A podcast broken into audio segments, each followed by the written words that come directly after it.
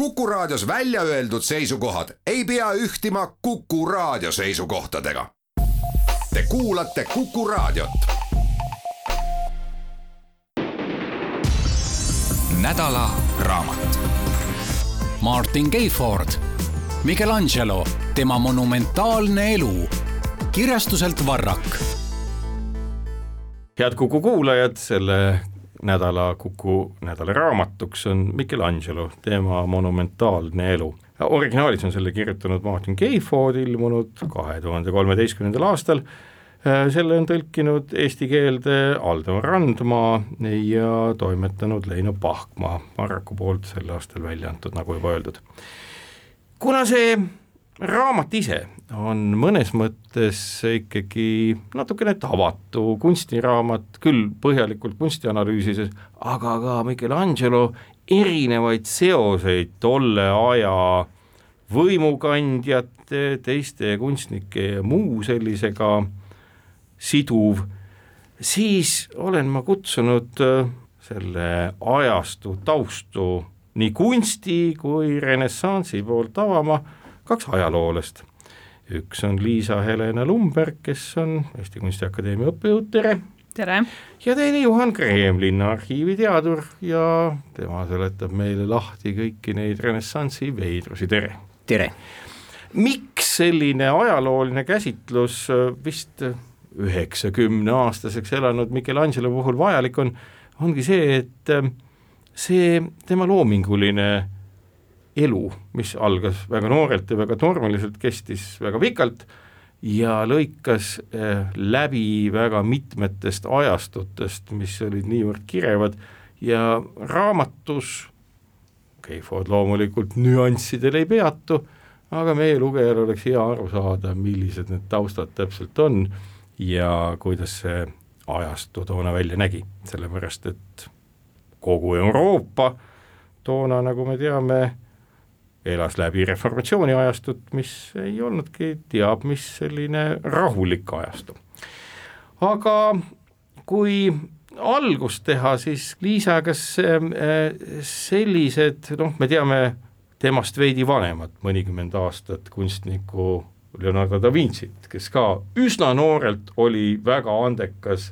aga hoopis teistsugune tegelane, ma ei teagi, kas nad kokku puutusid või mitte, aga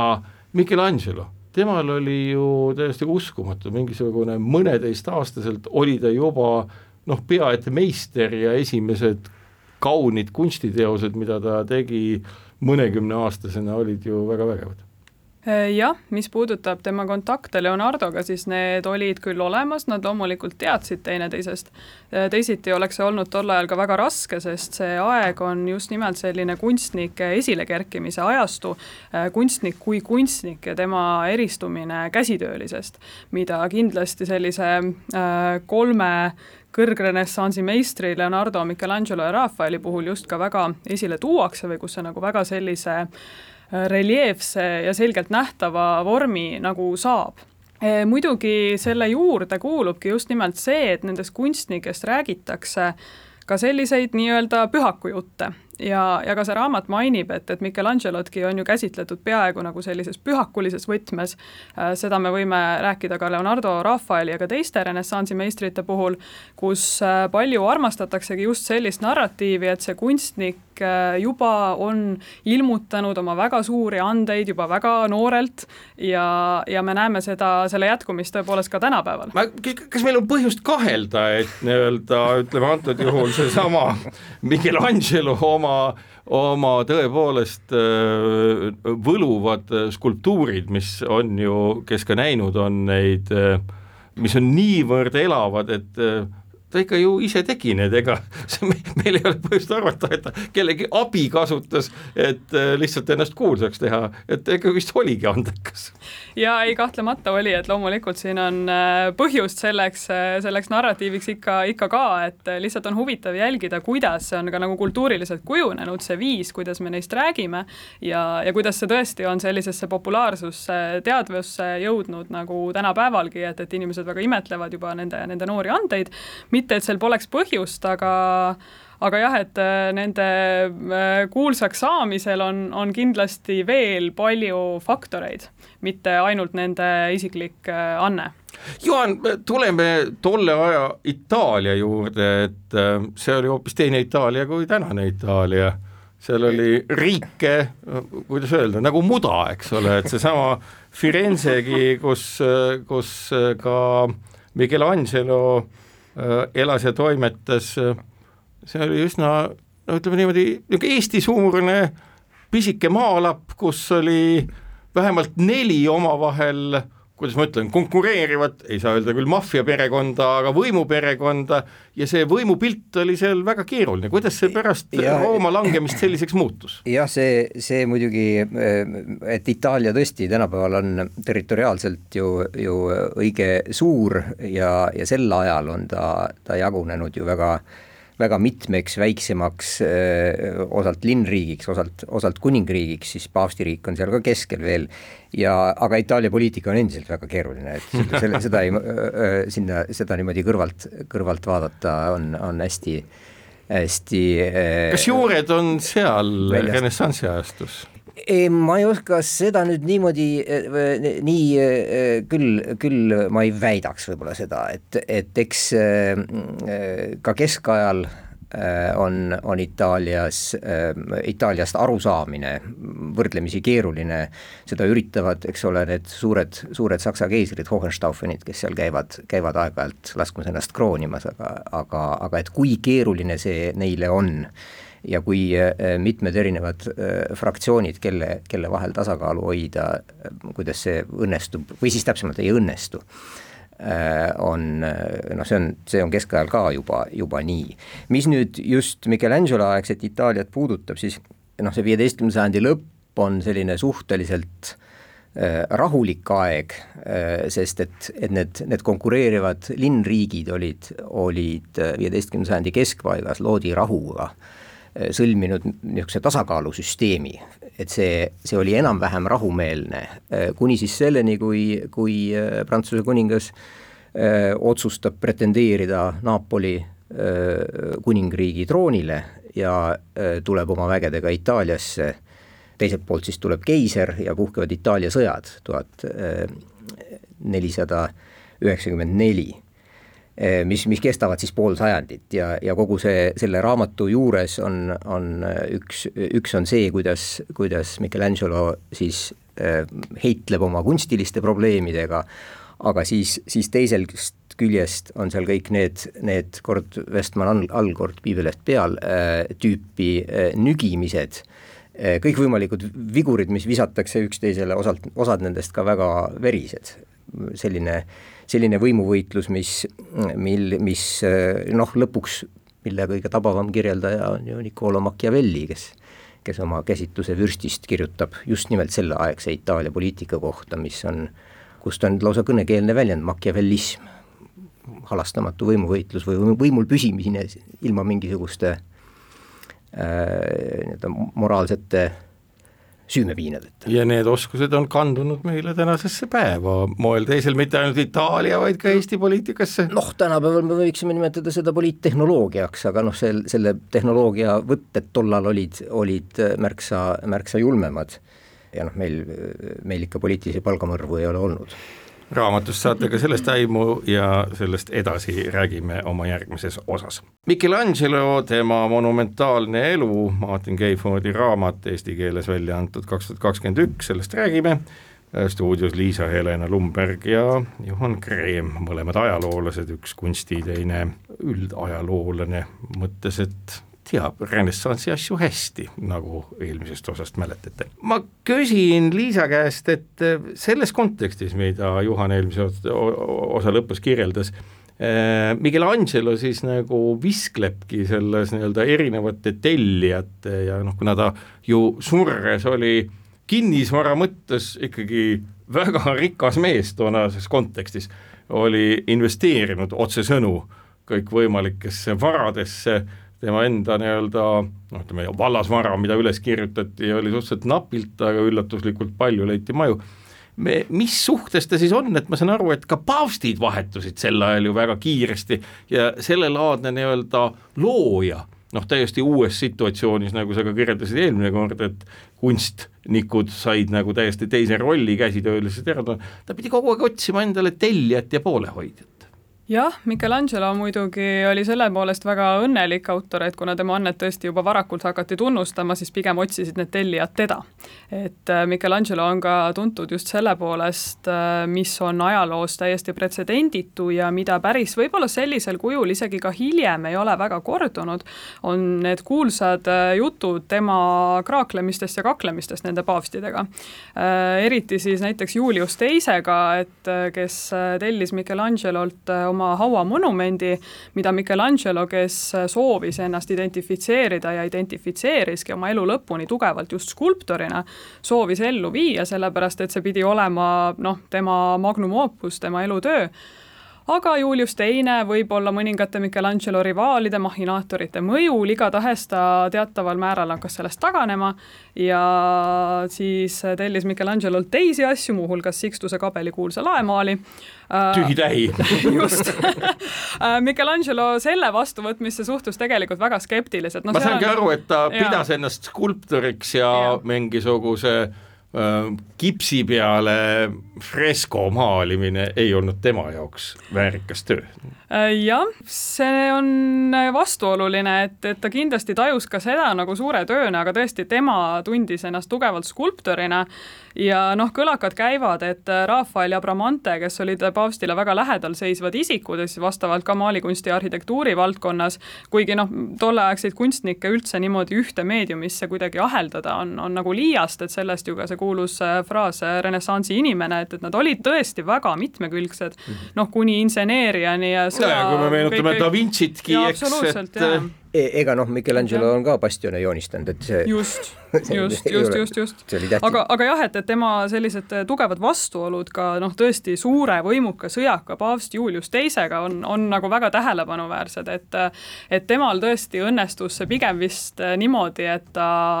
ei pidanud ise sugugi neid tellijaid otsima, vaid, vaid tellijad otsisid ja, ja moosisid teda ja tal oli võimalus oma kaks jalga maha lüüa, kus, kus ta seda, seda soovis, et, et noh, muidugi ta pidi nagu paavstile kuuletuma, aga seal on jah, teateid sellistest enneolematutest ähm, suhetest kunstniku ja paavsti vahel. Jaan, küsin su käest, ega toonane ajalooperiood, mis siis äh, oli see Michelangelo üheksakümmend aastat, paavste vahetus siis noh, mitte nüüd nii kiiresti nagu demokraatlikus riigis valitsusi, aga ka üsna sageli. kuidas paavsti ja kogu siis äh, tolle rahuaegse ja hiljem ka siis nii-öelda omavahel sõdades oleva Eh, Itaalia riigikeste need suhted olid oi, oi jesses, kuidas ma nüüd selle paari lausesse ära, ära suudaks mahutada. ma, saan aru, et Naer viitab selle peale, et ei olnud väga kerged. et ei olnud kerged jah, ja, ja see, see noh, paavst, paavsti, ma ütlen väga ilmalikult, ametikoht äh, on ju valitav äh, ja valitakse eluks ajaks ja kui sa valid vana ja põdura mehe, siis tulevad järgmised valimised väga ruttu ja, ja ka mõne noorema mehe puhul võib äh, juhtuda, et terviserike, et terviserike äh, või, või ja no tõesti, ega siis äh, meditsiin ei olnud nii, nii hästi arenenud kui, kui praegusel ajal, ka, ka lihtsalt sapikivid võivad su hauda viia ikkagi meie mõistes suhteliselt noore mehena. et see, see, et nad kiiresti vahetuvad, on osalt, osalt see, see kindlasti aga ometi Michelangelo pidas vastu ju ikka, ikka mm -hmm. jõudsalt e tegemist ei ole poliitilise figuuriga, ütleme Aa. ka, ka seda otseselt, et, et, et need õukondlased, kes, kelle, kelle töö oli, oli valitsemine need lendasid kiiremini, et selliseid, selliseid kantslereid, kes oleks elanud üle äh, noh, mitut paavsti ikka naljalt ei ole või, või õigupoolest ei olegi, et Michelangelo teeb ju, ju teisi asju, ta ei, ta ei valitse seda, seda riiki, ta ei, ta ei juhi poliitilist süsteemi Äh, vaid ta naudib äh, valitsejate raha. vaid ta naudib raha ja valitsejatel, valitsejad on, on nõus seda kinni maksma või, või nad leiavad, et see on nii tähtis osa prestiižist, et nad, nad äh, neelavad alla ka selle, kui nende kunstnik ei pea tähtaegadest kinni ja nõuab lisaraha ja tahab avanssi saada rohkem kui kui muinasjutuline, aga, aga see on nüüd jällegi asi, mis on, on täiesti erandlik või, või ma ütleks, et, et need renessanss ähm, perioodi staarid on noh, omaette legendid. Äh,, aga statistiliselt niimoodi suurem osa seltskonnast Itaalias sel ajal on endiselt käsitöölised ja ka see, kui äh, Michelangelo tõuseb sinna äh, Firenze kõrgkihtidesse nende teiste patriitside kõrvale, siis talle ikka vaadatakse ülevalt alla, et sina ju oled käsitööline tegelikult. et see, see staatus ei eh, noh, me, meil on lihtne seda ette kujutada suure plahvatusena ja ongi mood-, modernne Äh, vaba indiviid ja äh, ei midagi sellist valmis, tegelikkuses. et tegelikult see äh, protsess on väga palju pikem ja, ja nende üksikute staaride põhjal ei maksa väga suurt üldistust ühiskonna põhjal teha. jah, see on tegelikult väga vastuoluline, et ka Michelangelo enda puhul, keda, kelle puhul meie ei kahtle selles staar olemises või tema loomingu suuruses, on tegelikult teateid sellest, et tema isa näiteks üldse ei kiitnud seda heaks mm, -hmm. et et kui poeg valib kunstnikutöö raja, noh,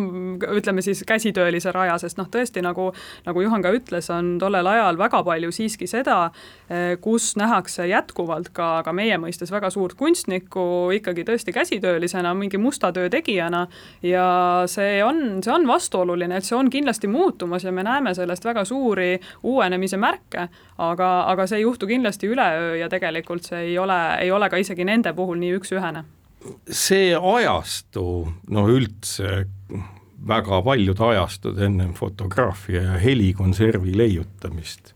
on ju ses mõttes omapärased, et ega kujutised ei liigu ja muljed, mis on noh, nii-öelda nagu mälestused päriselust, et selle tekitamine on ju mõnes mõttes selline omas ajas müstika. muusikat tuleb mängida instrumentidel maalid peavad olema sugereerivad skulptuurid nagu elus, et kas me näeme mingit analoogiat siin paljuski sellega, mis on tänapäeval, et noh, kas me võime öelda, et meediumi loomise mõttes on Michelangelo nagu mõnes mõttes tänapäeva Zuckerberg või keegi teine, kes ka tekitab või filmirežissöör või kama kes jah, ma arvan, et selle küsimuse kujutise mõjust ja selle mõju jõust, selle mõjust ühiskonnas, et see kindlasti on võrreldav mingite tänapäevaste selliste suurte nähtustega, mida kahjuks muidugi tuleb arvestada, on see, et ega ka toona ei jõudnud need teosed väga paljude inimesteni siiski. see on tegemist, kunstitarbijaskond on siiski sajandeid olnud eliit, kes maksab, tellib muusika, kes sellele üldse ligi pääseb, loomulikult kes inimesed... Ikstuse kabelisse sisse said toona? No see on ikkagi olnud äh, paavstide pärusmaa ja selles mõttes, et kindlasti on neid inimesi veel, aga mitte needsamad lihtsalt käsitöölised et.... Sixtuse kabel jah, muidugi, aga, aga need Firenze linnakirik või, või Peetruse katedraal, et, et seal äh, käis küll iga issanda palverändur, kes, kes Itaaliasse sattus, et seda küll, mis muidugi renessansi ajal on veel väga oluline, on selline teatav meediarevolutsioon siiski, et need kujutised hakkavad liikuma ja loomulikult see trükikunsti leiutamine mängib siin väga tähtsat rolli. Ja raamatus ka räägitakse sellest, kuidas üldse paber muutub kättesaadavamaks ja kuidas kunstnikud hakkavad ka üha rohkem lihtsalt paberile juba joonistama, aga need äh, gravüürid, et neid teoseid, mis on originaalis suured freskod, mis on statsionaarsed ja mis ei saa reisida üle riigipiiride, kui neid just tükkideks ei lammutata ja laiali ei kanta, anta, äh, mida, mida võis ka juhtuda, aga eriti ettevalmistavate kartoonide puhul siis äh, on teateid ka Leonardo ja Michelangelo puhul sellistest asjadest, et tekivad äh, reprodutseeriv graafika, et ehk siis gravüürid, et kus neid hakatakse kopeerima, levitama ja noh, meie mõistes ja pildid nagu... muutuvad kättesaadavamaks. aga sellest kõigest juba meie järgmises saate osas head kuulajad, Michelangelo teema Monumentaalne elu, Martin Keifordi raamat kaks tuhat kakskümmend üks eesti keelde tõlgitud ja Varraku poolt välja antud, selle tutvustamine jätkub. külas Liisa-Helena Lumberg ja Juhan Kreem, ajaloolased, kelle olen appi palunud, et toda ajastut veidi paremini lahti seletada, kuna raamatu mõistmiseks on sellest palju abi nüüd ähm, Juhan sellesama äh, ajastu juurde, et äh, jällegi, kui me võtame sellesama Firenze või muud need, siis need linnad olid ju noh, üsna noh, ma ei ütle, et nüüd äh, Viljandi suurused, aga Tartust mitte suuremad, sellised pisikesed. ja seal oli väga kirev kultuurielu, lisaks väga palju kaubandust, et äh, nad pidid väga jõukad olema, et nad nagu kõige sellega toime tulid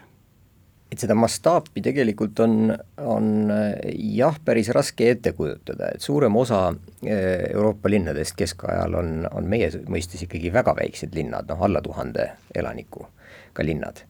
Eh, et selles mõttes kuuekümne tuhandene linn oli ikka väga suur. just nimelt, just nimelt, et selles, selles äh, kontekstis on, on kuuekümne tuhandene Firenze ikkagi väga suur linn juba Äh, ja, ja kui, kui mõelda, et äh, siin jälle võrdluseks paneme kõrvale, et, äh, et Tallinn noh, vast kuus-seitse tuhat, Riia äkki kümme täis. sel ajal. Sel ajal et siis, siis nii-öelda kuus korda suurem linn. metropol. täpselt nii, jah. ja, ja noh, seal ei ole, ole imestada jah, et, et et sellistes suuremates kohtades leidub, leidub ressurssi, mida, mida suunata siis, siis öö, otseselt, eks ole, mitte, mitte tootva nii-öelda kapitali tagasiteenimiseks, vaid, vaid, vaid enese jäädvustamiseks või, või, või esitlemiseks või ka jumala auks. Kuidas nende jäädvustamistega on, et enamus neid, kes selle töö kinni maksid, kui ma vaatan neid paavstide nimesid või inimesedki loevad raamatust seda, et noh, paavsti nimed ei tule meelde, et kas nii-öelda mängis siis Michelangelo parasjagu, parasjagu hea vingerpussi, et tema nimi jäi alles ja kõik muu nagu hajus sealt no minule kui kunstiteadlasele samas on mõningad paavstid just jäänud päris hästi meelde just sellepärast, et olen Michelangelo elu natukene ja tema loomingut vaadanud, nagu näiteks Julius Teine on suhteliselt unustamatu, aga ka Clement Seitsmes, kellega ta oli heades suhetes ja, ja nõnda. Aga, aga kuidagi jah, on, ongi küllap niimoodi, et, et mõningad ka poliitilised figuurid on saanud meile tuntavamaks, tuttavamaks just tänu nendele kunstiteostele, mis on neist loodud. ja tegelikult ei olnud see ka neile ju mingisugune uudis, miks nad muidu oleksid seda tellinud, et äh, üks huvitav äh, konstateering pärineb juba antiikajast, äh, ütleb Vitruvius, kes kirjutab ühe ajaloo esimestest, ühe kuulsamateks saanud arhitektuuritraktaatidest ja ütleb, et arhitektuur on tähtis, sest aitab meid mäletada. ja ta ütleb seda just nimelt valitsejale, et miks on oluline püstitada neid hooneid, sest nende kaudu mäletatakse pärast sind. et see nägemus, et ma elan kuidagi kunstis edasi ja see tegelikult on ka Michelangelole endale olnud iseloomulik, et kui küsiti tema käest, et miks tal polnud naistega lapsi, ütleb ta, et, et minu, minu pojad on minu kunstiteosed ja nad elavad pärast mind ja võib-olla elavad nad äh, märksa kauem ja esindavad mind veel palju kenamini ja paremini, kui minu päris pojad seda teha saaksid Juhan, me teame, kuusteist sajandi algus algab meil Euroopas sellise korraliku reformatsiooniga, mis äh, on valus, kummaline, üllatav ja mida kõike muud. Mismoodi näeb välja siis reformatsioon Itaalias, mismoodi see laine sealt üle käib ja äh, jällegi, et kas äh, Michelangelo poeb nende muutuste eest peitu või lihtsalt äh, lepib nendega ja kulgeb nagu lainelaudur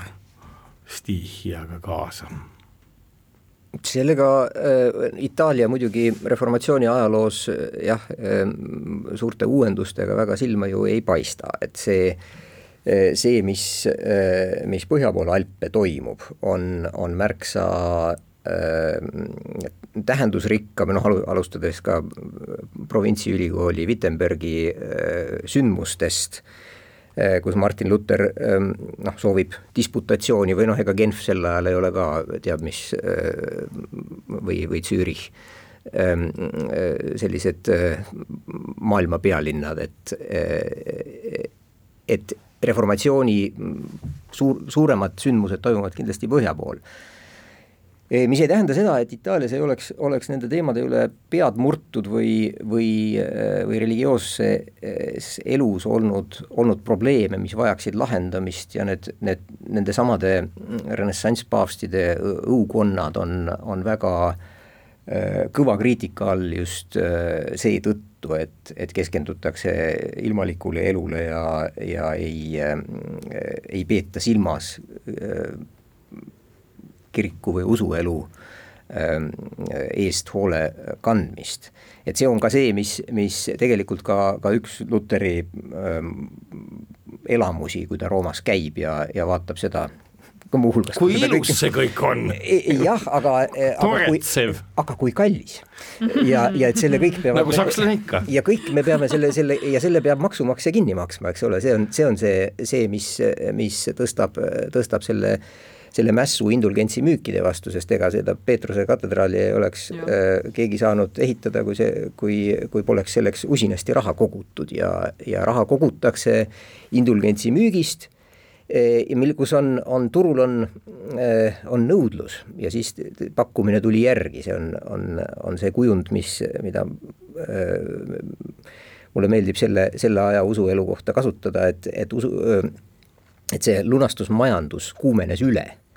Eh, hirm selle ees, mis, mis teispoolsusest saama hakkab, on, on täiesti reaalne. ja kui sulle öeldakse, et sa võid ise panustada Äh, selle paremaks muutmiseks. makstes kõik, raha. just. ostes indulgentsi. Ost-, ostes indulgentsi, makstes raha, et, et siis, siis loomulikult sa pingutad selle nimel. Äh, ja, ja soovid osta järjest, äh, järjest kallimat indulgentsi, kui, kui võimalus tekib. Mida sulle siis ka pakutakse? Samas teistpidi kogu esteetika, mis selle indulgentsimajanduse põhjal üles ehitub, on ju võrratud, nad on, see on siiamaani alles. Ja me ju võiksime öelda, et mõnes mõttes äh, selline mornim ja üheplaanilisem äh, põhjapoolse Euroopa osa kunst ei ole võib-olla nii palju inimesi innustanud kui seal lõuna pool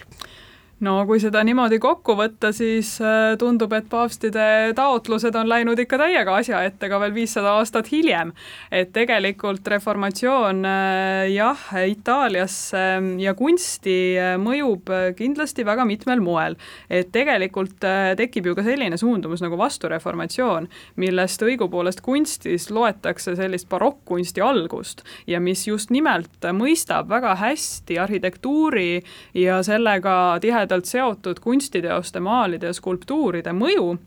ja mis panustab sellesse, et need peavadki inimest just nimelt mõjutama, et sellisele afektiivsele küljele rõhuma, emotsionaalset äh, vau-efekti tekitama, et sa astud kirikusse ja see kõik on selline pöörane, mässlev ja dünaamiline, hästi värviderohke, valguse, varjude ja kõige sellega mängiv äh, tervik, et inimesel tekikski just nimelt see tunne, et küll on ikka ilus. Aga see on juba periood, eks ole, vastureformatsioon, kus, kus ka, äh, ka protestantide poolelt vastatakse samas võtmes pildipropagandaga, et, et see, see ei, ei ole enam, niimoodi ei saa neid asju kõrvutada, ma arvan. aga sellest räägime juba oma järgmises saate osas head Kuku kuulajad, nädala raamatu raames Michelangelo, tema monumentaalne elu jutuks Martin Keifordi raamat, tõlgitud ja Marko poolt sel aastal välja antud. külas meil ajaloolased Liisa-Helena Lumberg ja Juhan Kreem, et avada neid võluvaid taustu ja omapäraseid, mis seal kõik ette tulnud on. siin eelmise saate osa mõttena küsin Juhan, et eh, kui kujutaks ette, et sellist eh, reformatsiooni, noh, mida me nagu kuidagi ühtepidi kõneleme kui väga progressiivsest asjast millegi tõttu, aga kui seda olnud ei oleks kas ma saan aru, et see paavstiriik võinuks ja kogu see nii-öelda äh, kunstielu võinuks lõppkokkuvõttes muutuda ilmalikumaks kiiremini kui kõikjal mujal, kas äh, see võinuks tähendada seda, et äh, selline valdavalt religioosne ilmapilt oleks muutunud selliseks mütoloogiliseks ja inimeste looming oleks saanud suuremat mõju ja võib-olla ei oleks ka olnud niisugust tõsisemat inkvisitsiooni ja teadus oleks saanud veel vägevama tiiva lendamiseks. ei, ma äh,, ma päris ei, äh, hästi äh, võib-olla ma ei saa aru, kuhu sa sihid, aga, aga ja ma, lihtsalt... ma haaraksin kinni sellest, sellest, millest sa alustasid, et kui reformatsioon ei oleks toimunud, siis äh,, siis oleks ta pidanud välja mõtlema äh,. see, see selline see eh, parafraas siia, et reformatsioon ühel või teisel kujul oleks toimunud nagunii aga see, et ta toimus just sellisel äh, konkreetsel kujul äh,, et asi läks kontrolli alt välja äh, kõigepealt Saksamaal äh,, kõigepealt Saksamaal ja, ja, ja Šveitsis ja ja sajand hiljem kogu Euroopas. ja äh, mitmel pool Euroopas, mitte kogu Euroopas äh, et siis äh, see, selles on ikkagi väga suur osa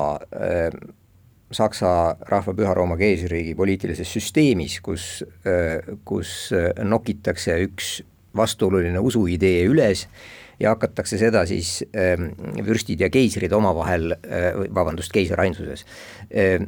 keiser ja tema vürstid kasutavad seda siis, siis ühe sellise hoovana omavahelises võimuvõitluses, seal on oma, oma konkreetne ilmalik taust, et kui, kui ikka Saksi hertsog ei oleks äh, oma kaitsvat kätt oma Wittenbergi professori üle pannud, oleks see asi hoopis teistmoodi lõppenud, lõppeda võinud või kiiremini vaibunud. teine asi on muidugi ka see, et, et, et Itaalia sõdade keskel on paavstidel mingisuguse kauge ja suhteliselt segase asjaga tegelemiseks vähe aega, vähe tähelepanu, kindlasti alahinnatakse selle teoloogilise vaidluse üleskerkimise Äh, tähendust ja, ja ohtu või mõju, noh, umbes, et las üks kardinal sellega seal tegeleb ja, ja äh, meil, meil on siin palju tähtsamaidki asju, asju ajada äh, paavstiriigi ja, ja Firenze vahel näiteks, et, et, et see, see, et reformatsioon niimoodi, nii jääva lõhe toob, see selgub väga palju hiljem,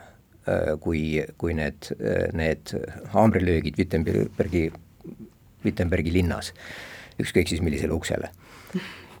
Äh, Liisa, äh, tulles Michelangelo juurde tagasi, siis ma saan aru, et äh, üks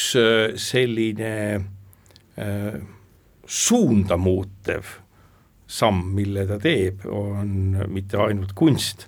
vaid ta asub ka väga jõuliselt iseennast jäädvustama ajaloo jaoks, ta hakkab kirjutama, õigemini ta tellib endast elulugusid, mis ma saan aru, juhatab üldse sisse sedalaadi žanri palju laiemalt, mida ju ka Martin Keifod ja paljud muudki kunstist kirjutanud ju üllatuslikult või isegi mitte üllatuslikult lihtsalt jätkavad. jah see on tõesti miski, mis tuleb renessansi ajal väga tugevalt, on see, et kunstnik üldse hakkab endast äh, jäädvustama oma töös äh, mitmel moel, et kõigepealt tekib äh, rohkem teoste signeerimist, et meistrimärke lisati ka keskaja töödesse juba küll, aga, aga renessansi ajal see hoogustub ja, ja saab sellise uue nagu suuna,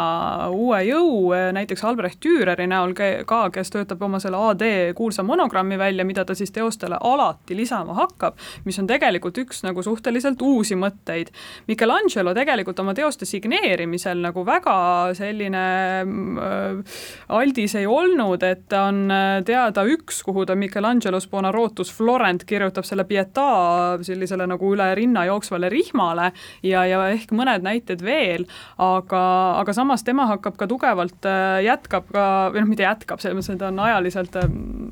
samaaegsed äh, ka Düreri selliseid autoportree Äh, töid, et ta tõesti jäädvustab ka iseennast äh, just äh, autoportreena palju, aga joonistatakse muidugi ka, ka teda. ja, ja samuti ta jah, kirjutab oma elust ka, ka palju sonettides, et, et ta tõesti ise reflekteerib seda, mis on olnud muidugi väga magus kõikidele nendele, kes on tahtnud kirjutada temast midagi Äh, ja siis ka see Giorgio Vasari kuulus äh, kunstnike elulugude raamat, mis tuhat viissada viiskümmend ilmub, on, äh, see nüüd ei olnud küll Michelangelo poolt tellitud, et Vasari oli mõnevõrra nagu selline Michelangelo no tohutu fänn, et ta kirjutab temast kõige pikema eluloo, kõige kiitvama eluloo, kuigi muidugi ka palju tähelepanu pöörab ta teistele, nagu ka Leonardole, Rafaelile, aga Michelangelo on Vasari jaoks alati see kõige-kõigem. ja Michelangelo ise ei olnud nüüd päris nõus tegelikult sellega, mida Vasari kirjutas, kuigi Vasari teda kohutavalt kiidab. Ja siis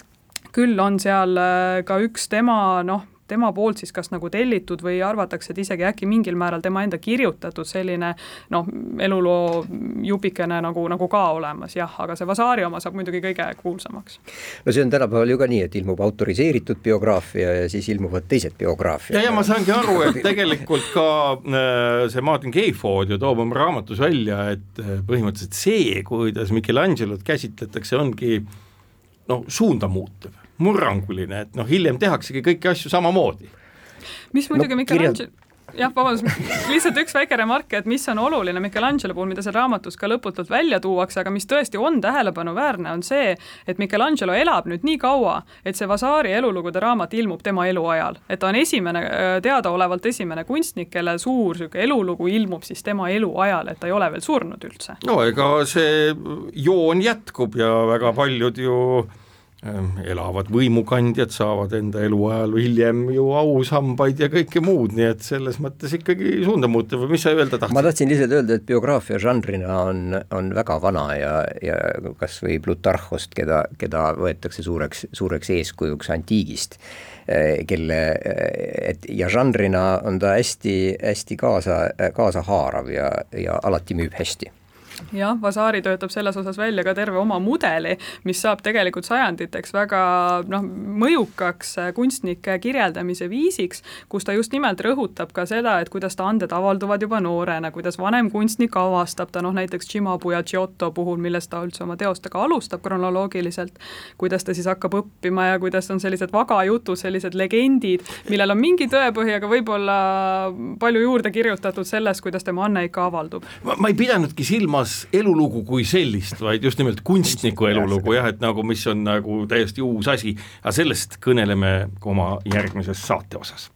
head kuulajad, nädala raamatu raames Michelangelo, tema monumentaalne elu, Martin Keifordi kirjutatud raamat eesti keeles Varraku poolt kaks tuhat kakskümmend üks välja antud. tutvustame seda, tutvustame õigemini taustu, mis tolle ajastuga seotud koos abilistega,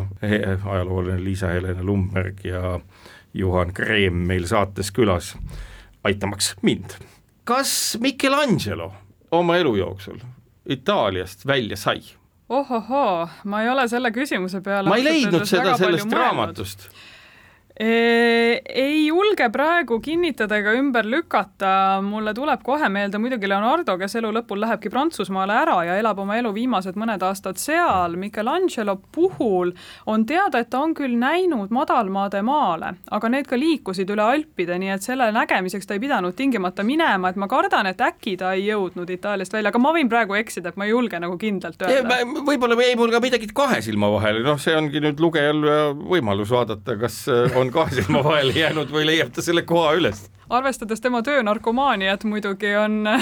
võib, võib-olla tõenäoline, et äkki ta ei võtnudki ette midagi, mis on niivõrd vaeva ja aega nõudav, kui seda on reisimine renessansi ajal. ma mõtlen praegu ühe asja peale, alati kui keegi on väga loominguline, siis ütleme, sellisel vürtsitatud kujul kajastatakse tema sellist kehva iseloomu ja kõike muud, noh, arusaadavalt, kui inimene on väga andekas, siis talle käivad väga paljud asjad närvidele ja ei saagi ju seda ette heita. kas see on ka selline, kuidas ma ütlen, nagu stiil, et nagu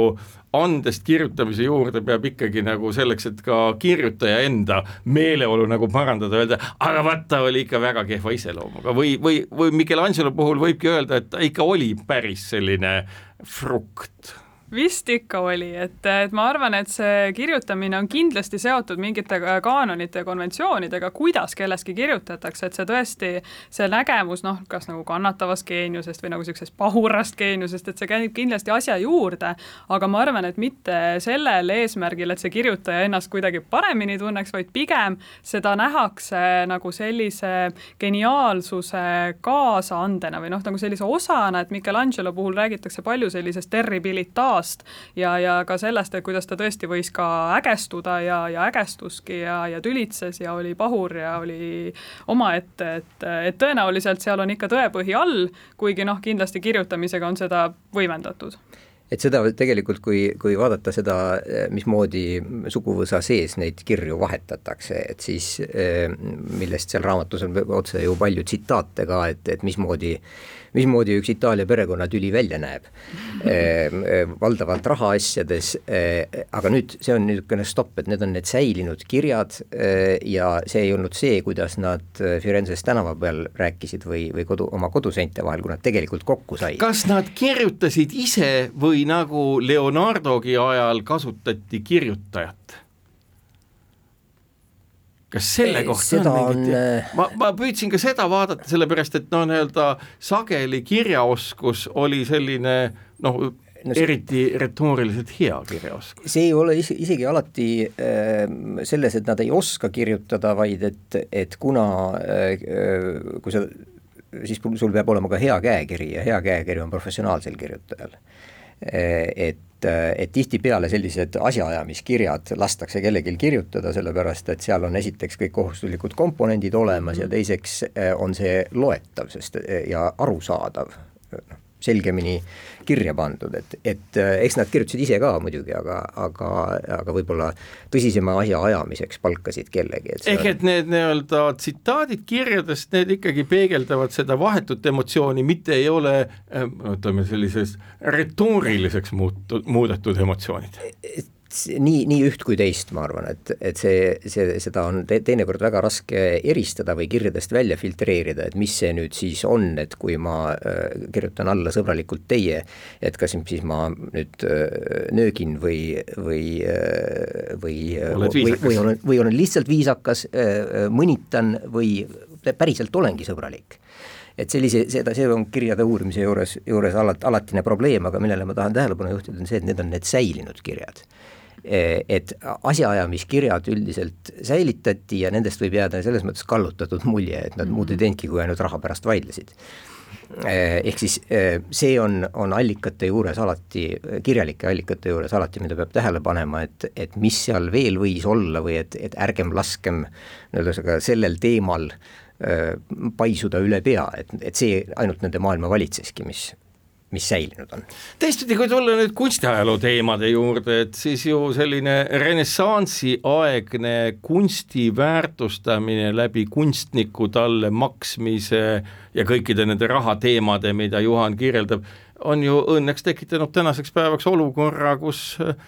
kunstnikud on jätkuvalt äh, au sees enamjaolt, mõned elu jooksul isegi saavad äh, nautida neid tulusid, mida nende teoste eest makstakse. Ja, ja, ja kas võib öelda, et see renessansi ajastu on see, kus kunst hakkas pikkamööda väärtustuma kuni no siis kahekümnes ja kahekümne esimene sajand, kus sellest on saanud terve tööstus, oksjonid, kõik muu sinna juurde hmm,? see on nüüd väga lai ajaskaala, kus on, on olnud on, kindlasti on, väga palju erinevaid äh, suundi ja, ja mida kõike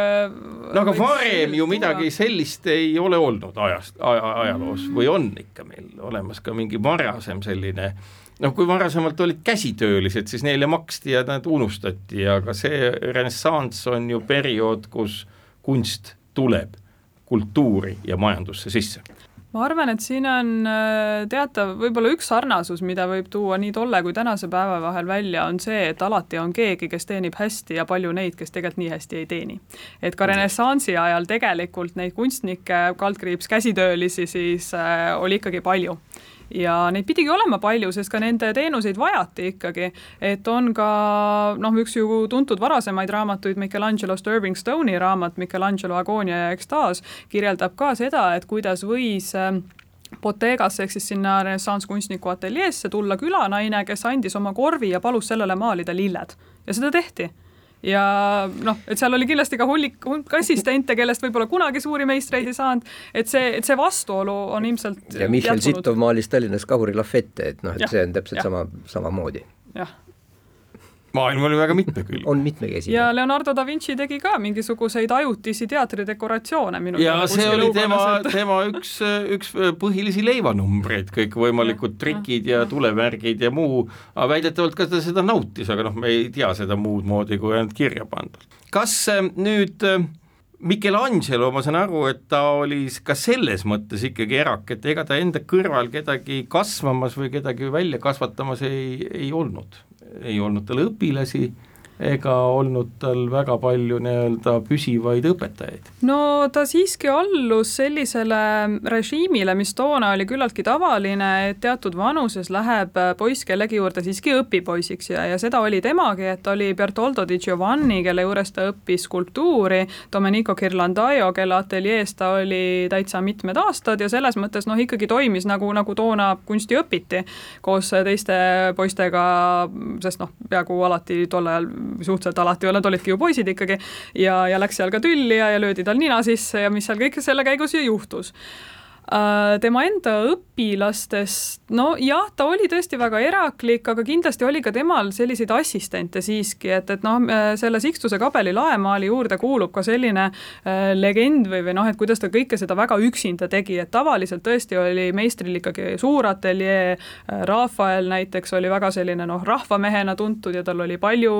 assistente ka ja, ja siis meister ise teeb nagu sellised äh, suured joonised, kartoonid üks-ühele siis valmis ja annab pärast pärast võib-olla noh, mingit lihvi, et Michelangelo justkui seda ei teinud, et ta töötas palju üksi, aga kindlasti oli tal vähemalt selliseid äh, abilisi, noh, võib-olla mingil määral siis ka õpilasi, kes äh, uhmerdasid pigmente, segasid miskit kokku, krohvisid fresko jaoks seina ja, ja siiski teda ka abistasid, et see on jah, natukene selline vastuoluline, et, et kui, kui üksi ta siis äh, nüüd oli ja tegu, tegid sellega on Martin Gayfordi raamatu Michelangelo, tema monumentaalne elu tutvustamine ka otsa saanud.